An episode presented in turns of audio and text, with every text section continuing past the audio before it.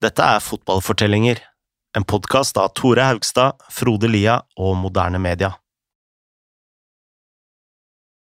Når VM i 1978 sparkes i gang, vet Argentinas lag at diktaturet krever tittelen. Spillerne er så nervøse at noen av dem røyker mellom kampene, mens andre drar på fisketur midt på natta. Under mesterskapet oppstår det en rekke hendelser som favoriserer vertene. Kun noen hundre meter unna Estadio Monumental sitter det fanger som hører jubelen mens de venter på sin død.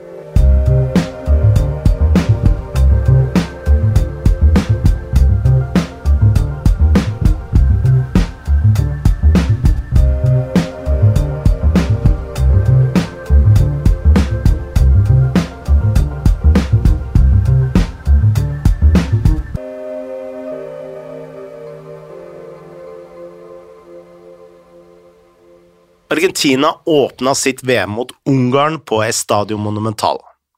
De spilte på kvelden, slik at de visste hvordan de skulle forholde seg til resultatene tidligere på dagen.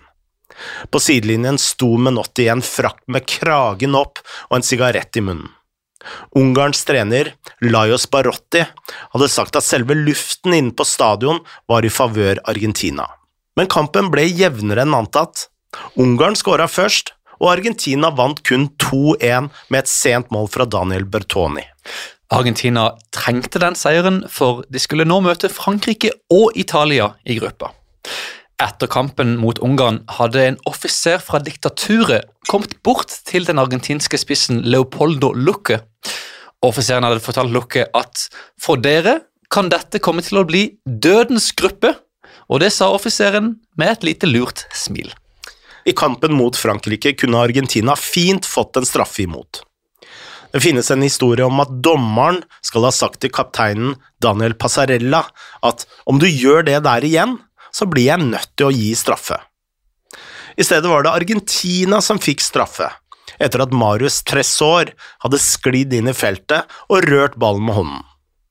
Vertene vant 2-1, igjen med et avgjørende mål fra Luque. Men mot Italia tapte Argentina 1-0, noe som gjorde at de havna på andreplass i gruppa. Og nå var de så nervøse at Kempes, blant andre, røyka mellom 10 og 12 sigaretter om dagen. Det første gruppespillet var nå over.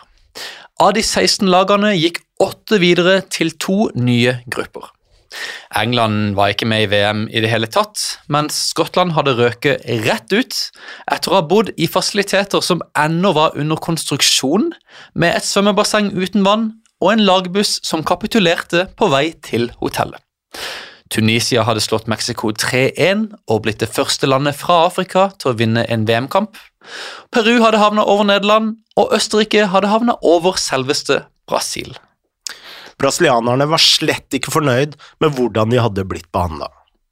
Mot Sverige hadde det stått 1-1 da den walisiske dommeren Clive Thomas ga dem en sen corner. Ballen som svingte inn i feltet, ble headet av Zico, noe som ga Brasil en sen ledelse 2-1. Men Thomas hadde blåst av kampen idet ballen var i lufta. Brasil protesterte helt vilt, men resultatet ble 1-1. Brasil var altså det eneste laget som måtte spille alle sine gruppekamper på den nye Estadio José Maria Minella i Mar del Plata, hvor banen var så dårlig at nesten det var helt umulig å spille fotball. Argentina sa dette var tilfeldig. I Brasil mistenkte de noe helt annet.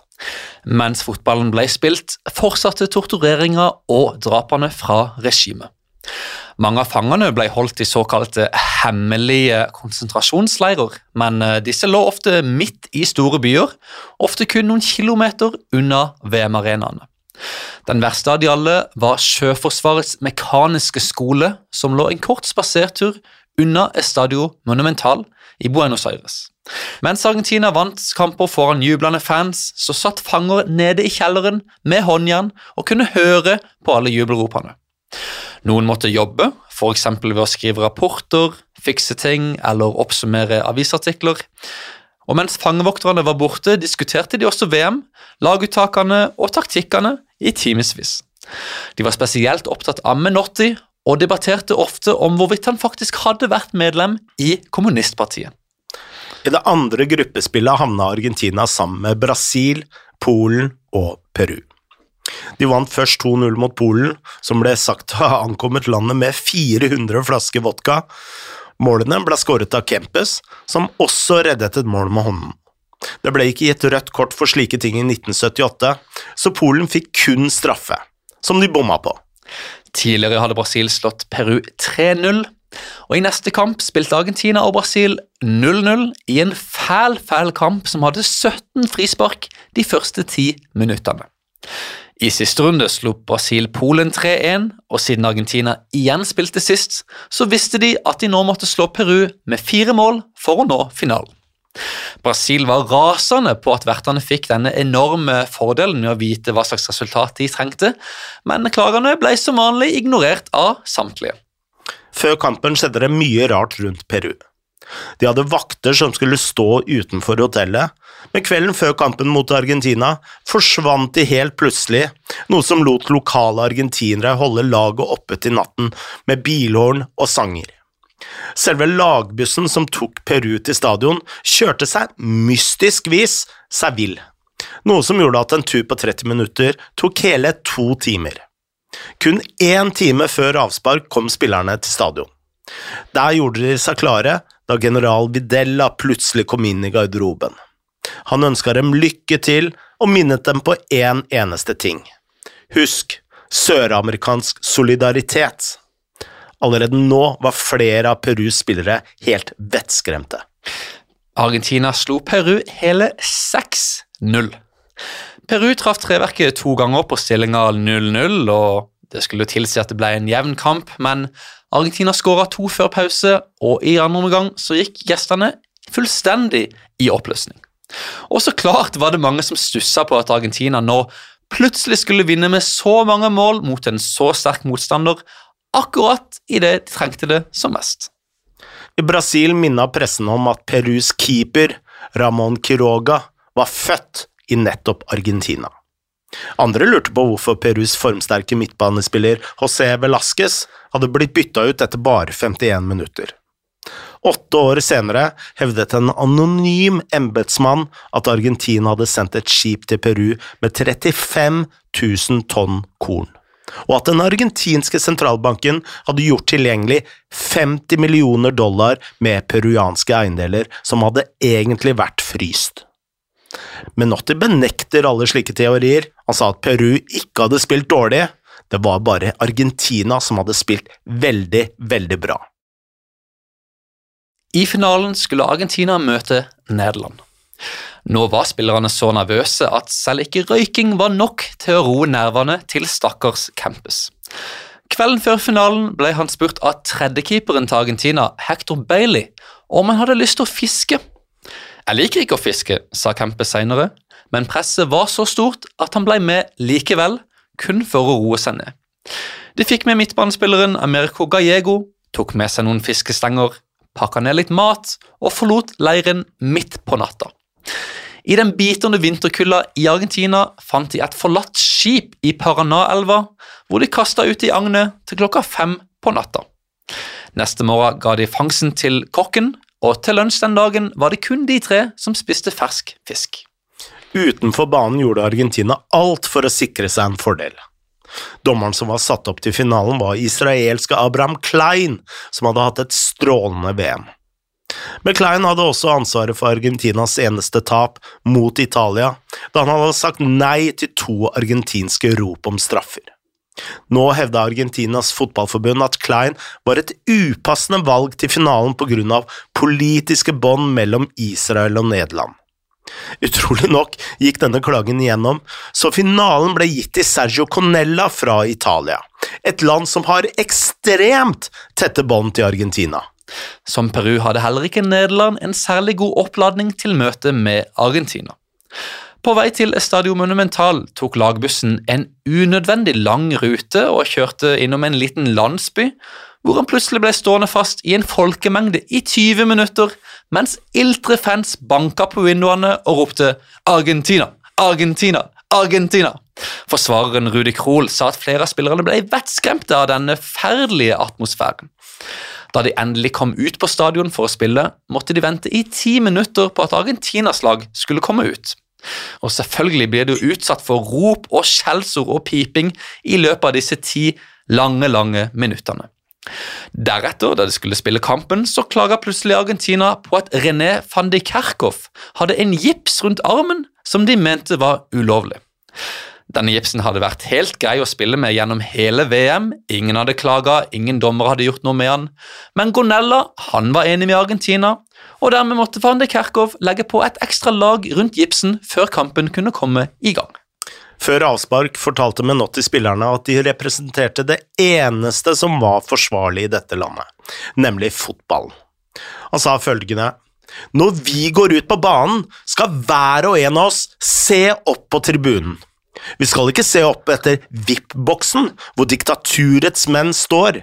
Vi, vi skal se opp mot de andre plassene, mot folket, hvor vi kanskje kan se våre fedre, for der kommer vi til å finne metallarbeiderne, slakterne, bakerne og taxisjåførene. Menottis melding var klar. Argentina spilte ikke for generalene, men for folket. Idélagerne skulle ta avspark. I et regn av opprevde aviser og dassruller fulgte hele landet med. På Sjøforsvarets mekaniske skole hadde rundt 20 fanger samla seg foran en liten TV i svart-hvitt og sett at Campus skårte først, mens Dikna Ninga utligna åtte minutter før slutt. På overtid av ordinær tid fikk nederlandske Rob Rensenbrink en enorm sjanse fra venstre side. Hadde han skåret der, så hadde Nederland både vunnet VM, og han hadde blitt turneringas toppskårer. Men han traff stolpen, og idet ballen trilla bort fra målet, så falt hele stadion stille som en gravplass. Men det fikk oss til å reagere, sa midtbanespilleren Omar La Rosa. Om det skuddet ikke gikk inn, så var dette ment å være vårt VM. Før ekstraomgangene ba Menotti spillerne om å beholde roen og stole på at de var bedre trent enn Nederland. Kempe skåret først, og så la Betoni på til 3-1. Argentina var verdensmestere, mens fansen storma banen, ga Havelange trofeet til Vedella, som igjen ga det videre til Passarella. Vidella erklærte at en hel nasjon hadde seira. På noen av bildene blir Passarella løfta opp med trofeet i hånden, mens mørke skyer samla seg over stadion. Nederland dukka aldri opp for å ta imot sine medaljer. Noen av Argentinas spillere sa senere at de aldri hadde vært klar over akkurat hvor grusomt og fælt og blodig og dødelig dette regimet til Videla hadde vært. Keeperen Ubaldo Filol ba om tilgivelse. Locque sa at VM aldri burde vært spilt.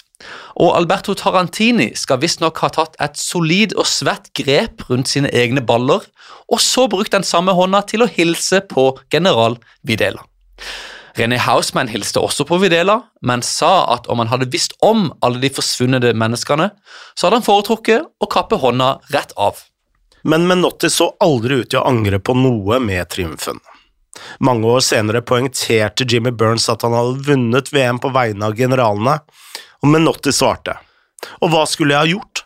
Skulle jeg fått laget til å spille dårlig og bedra folkets følelser? Selvsagt skulle jeg ikke det.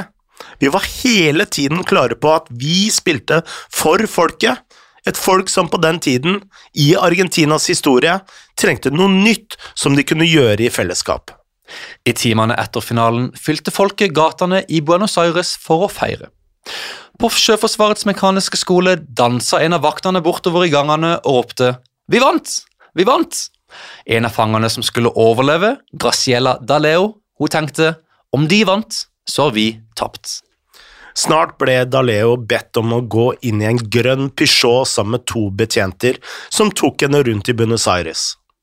På turen fikk hun lov til å kikke opp gjennom soltaket og se hvor mange som feira. Det var nok et øyeblikk fullt av grusom ensomhet, sa hun senere.